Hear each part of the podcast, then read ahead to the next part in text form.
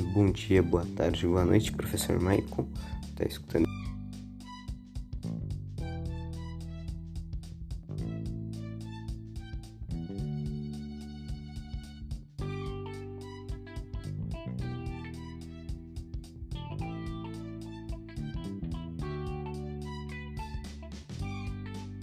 De tempo. É, é, não confunda sua locução propositiva e locução adverbial devido à utilização de palavras idênticas na formação da expressão. A locução prepositiva exerce a função de preposição, ao que uma locução adverbial exerce a função de advérbio. Regra básica, regra simples. Uma regra bem prática para, para determinar uma distinção, né?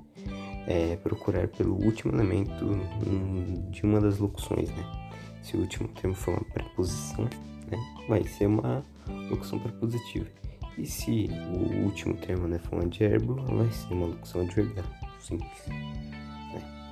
Então aqui um exemplo. Número 1. Um, ele disse que entraria em contato dentro de poucos minutos. É uma locução prepositiva. Dentro é advérbio de preposição. Número 2. Buenos. O aspecto da casa era outro por dentro é, locução adverbial por preposição e dentro a advérbio.